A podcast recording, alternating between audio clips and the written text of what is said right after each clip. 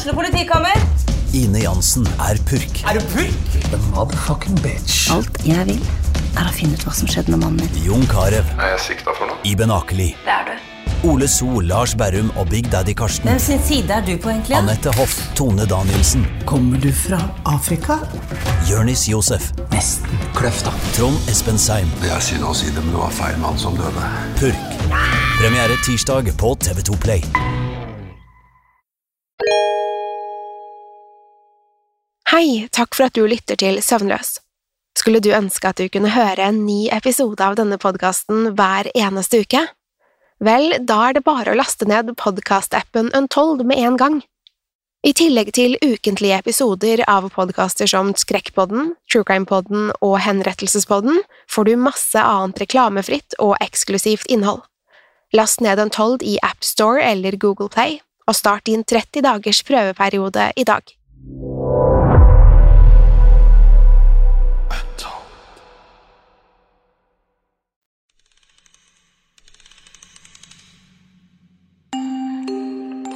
Om du har planer om å sove og drømme søtt i natt, er dette ikke podkasten for deg. Hvis du er lettskremt, lett påvirkelig eller har søvnproblemer, bør du styre unna akkurat denne.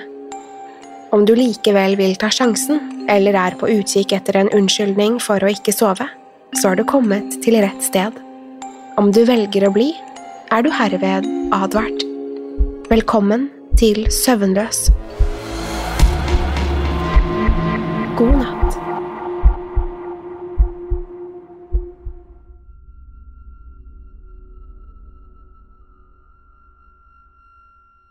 Tinnitus, en mareritttilstand som rammer millioner av mennesker, inkludert meg selv.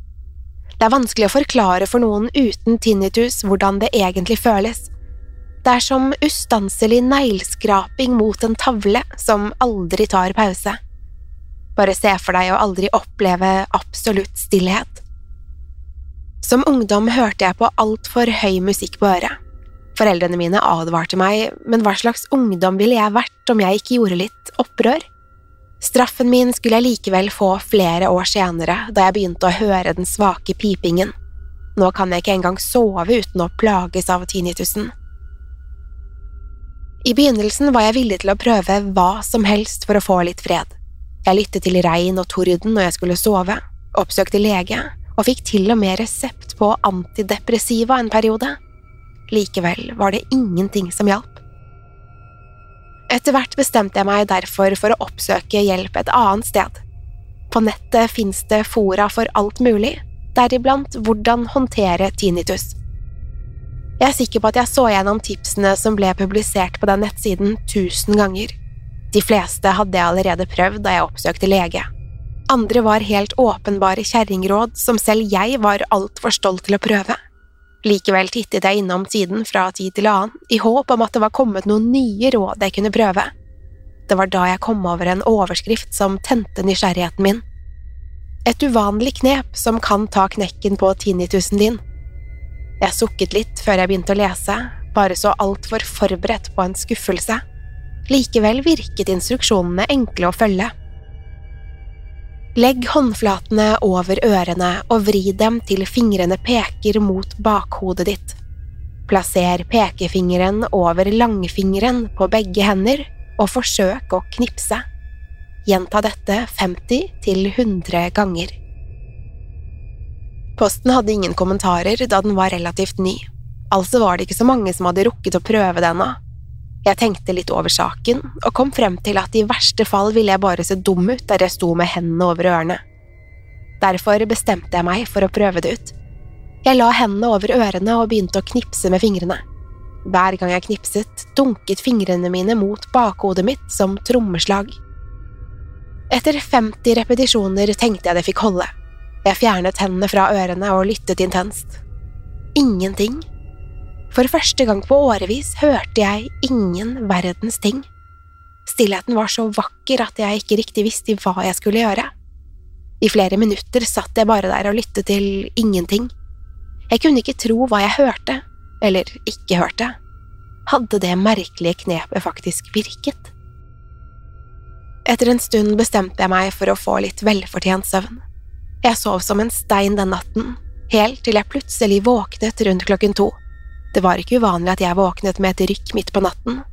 Det var likevel skuffende å oppdage at pipingen var tilbake. I det minste var det en midlertidig løsning, så jeg utførte trikset igjen, og nok en gang ble jeg omsluttet av en deilig stillhet. Lettet la jeg meg tilbake i sengen. Lyden som hadde hjemsøkt meg alle disse årene, var borte, takket være en anonym internettkilde. Jeg skulle akkurat til å snu meg i sengen da jeg innså at det slett ikke var helt stille rundt meg. Noe lurte bakerst i øregangene mine, som små dunk. Var det mine egne hjerteslag jeg hørte? Etter så mange år med helvete skulle jeg nå plages av en ny lyd? Forvirret la jeg to fingre mot pulsåren i halsen og kjente etter, men dunkingen holdt ikke samme rytme som hjertet mitt. Resten av den natten gikk med til å prøve å lokalisere hvor dunkelyden kom fra. Det skulle ikke være enkelt. Jeg åpnet alle skap og skuffer, sjekket gjennom leiligheten og lyttet etter lyder gjennom veggene. Ikke før hadde jeg lagt øret mot veggen da lyden stilnet. Hodet mitt raste for å finne en logisk forklaring på det hele. Kanskje det var et ødelagt gassrør eller en av naboene mine som ikke fikk sove. Jeg slo meg til ro med den forklaringen og la meg tilbake i sengen. Da jeg våknet neste morgen, var tinnitusen tilbake. Snart innså jeg at knepet fra forumet holdt pipingen i sjakk i omtrent seks timer av gangen. Derfor passet jeg på å utføre trikset ofte nok til at jeg skulle slippe overlappen. Snart ble det en ren rutine å knipse meg selv i bakhodet fra tid til annen. Jeg passet på å gjøre det når jeg var alene, og det så ut til å funke. Alt var perfekt, med unntak av mine nattlige oppvåkninger klokken to hver natt til lyden av den merkelige dunkingen. Som oftest prøvde jeg bare å overse det, men av og til tok nysgjerrigheten min overhånd. Da prøvde jeg å finne kilden til lyden, men hver gang måtte jeg innse nederlaget. Som et siste alternativ bestemte jeg meg for å gjøre lydopptak mens jeg sov. Jeg hadde hørt at det fantes en rekke apper som bare ble aktivert om det var lyd i rommet, så jeg tenkte at det var verdt et forsøk. Derfor lastet jeg ned en gratis app og gikk og la meg. Som vanlig våknet jeg klokken to, men bestemte meg for å overse lyden og la appen gjøre jobben. Jeg dyttet i et par ørepropper, og med det sov jeg søtt gjennom natten. Da jeg våknet neste morgen, traktet jeg meg en kopp kaffe og satte meg til rette for å høre på nattens opptak. Dunkingen hadde startet ved midnatt og hadde holdt på i flere timer. Utenom det var det for det meste lyden av meg som snudde meg i sengen jeg hørte. Rundt klokken 03.30 derimot skulle det dukke opp en kort pause med total stillhet. Det var som en del av opptaket hadde blitt slettet i løpet av natten. Da lyden kom tilbake etter et minutt eller så, var det ikke lenger dunking. Det hørtes mer ut som stemmer hviskende stemmer. Det var umulig å høre hva stemmene sa, kun usammenhengende mumling fra slitne røster. Lydene skremte meg voldsomt, og aller helst ville jeg bare pakke en sekk og dra så fort som mulig. Dessverre var ikke det et alternativ. Jeg var en fattig student uten familie i nærheten, så jeg ble pent nødt til å bli der jeg var. Dessuten var jeg fremdeles overbevist om at det måtte finnes en logisk forklaring. Etter å ha tenkt litt kom jeg frem til at jeg kanskje ville finne kilden til stemmene om jeg bare holdt meg våken. Så da natten kom, la jeg meg og var sikker på at jeg ville bli vekket i totiden som vanlig. Derfra kunne jeg begynne å jakte lydkilden. Klokken ble to, og som forventet våknet jeg med et rykk.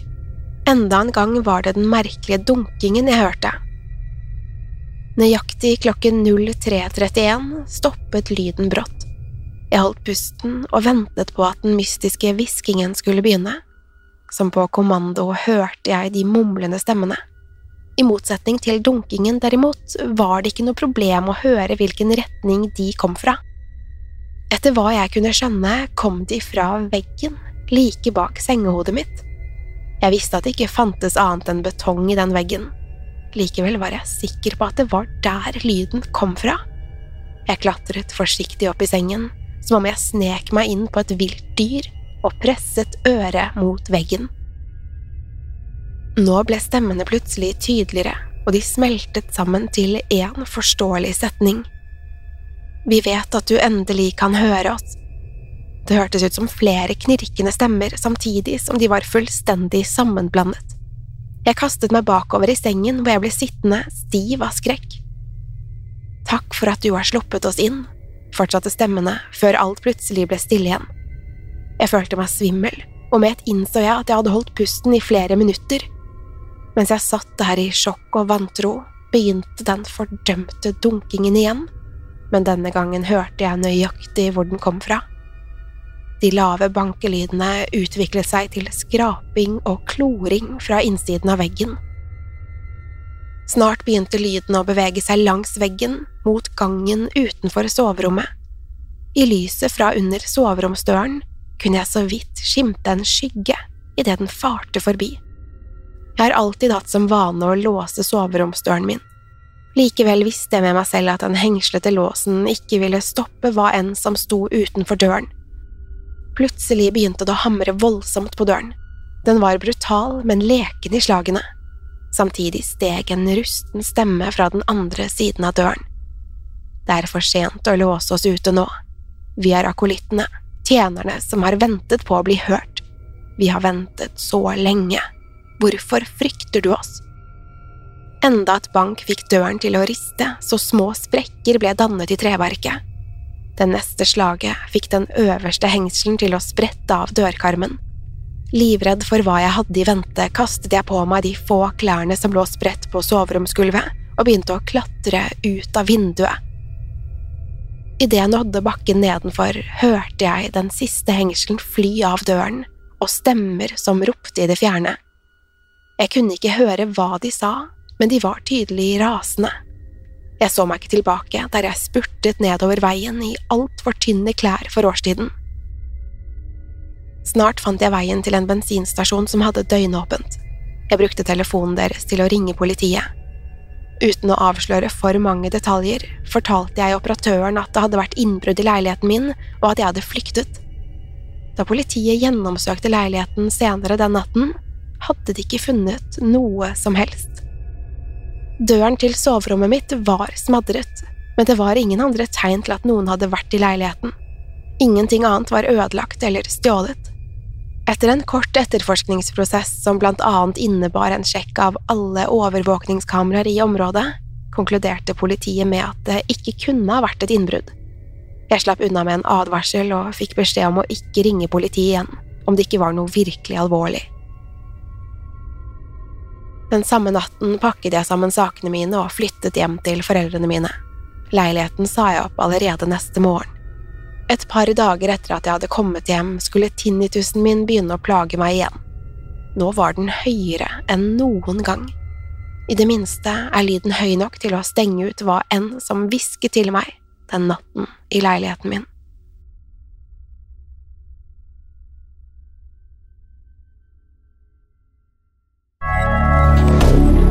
moderne media. Har du et enkeltpersonforetak eller en liten bedrift? Da er du sikkert lei av å høre meg snakke om hvor enkelt det er med kvitteringer og bilag i fiken, så vi eh, gir oss her, vi. Fordi vi liker enkelt. Fiken superenkelt regnskap.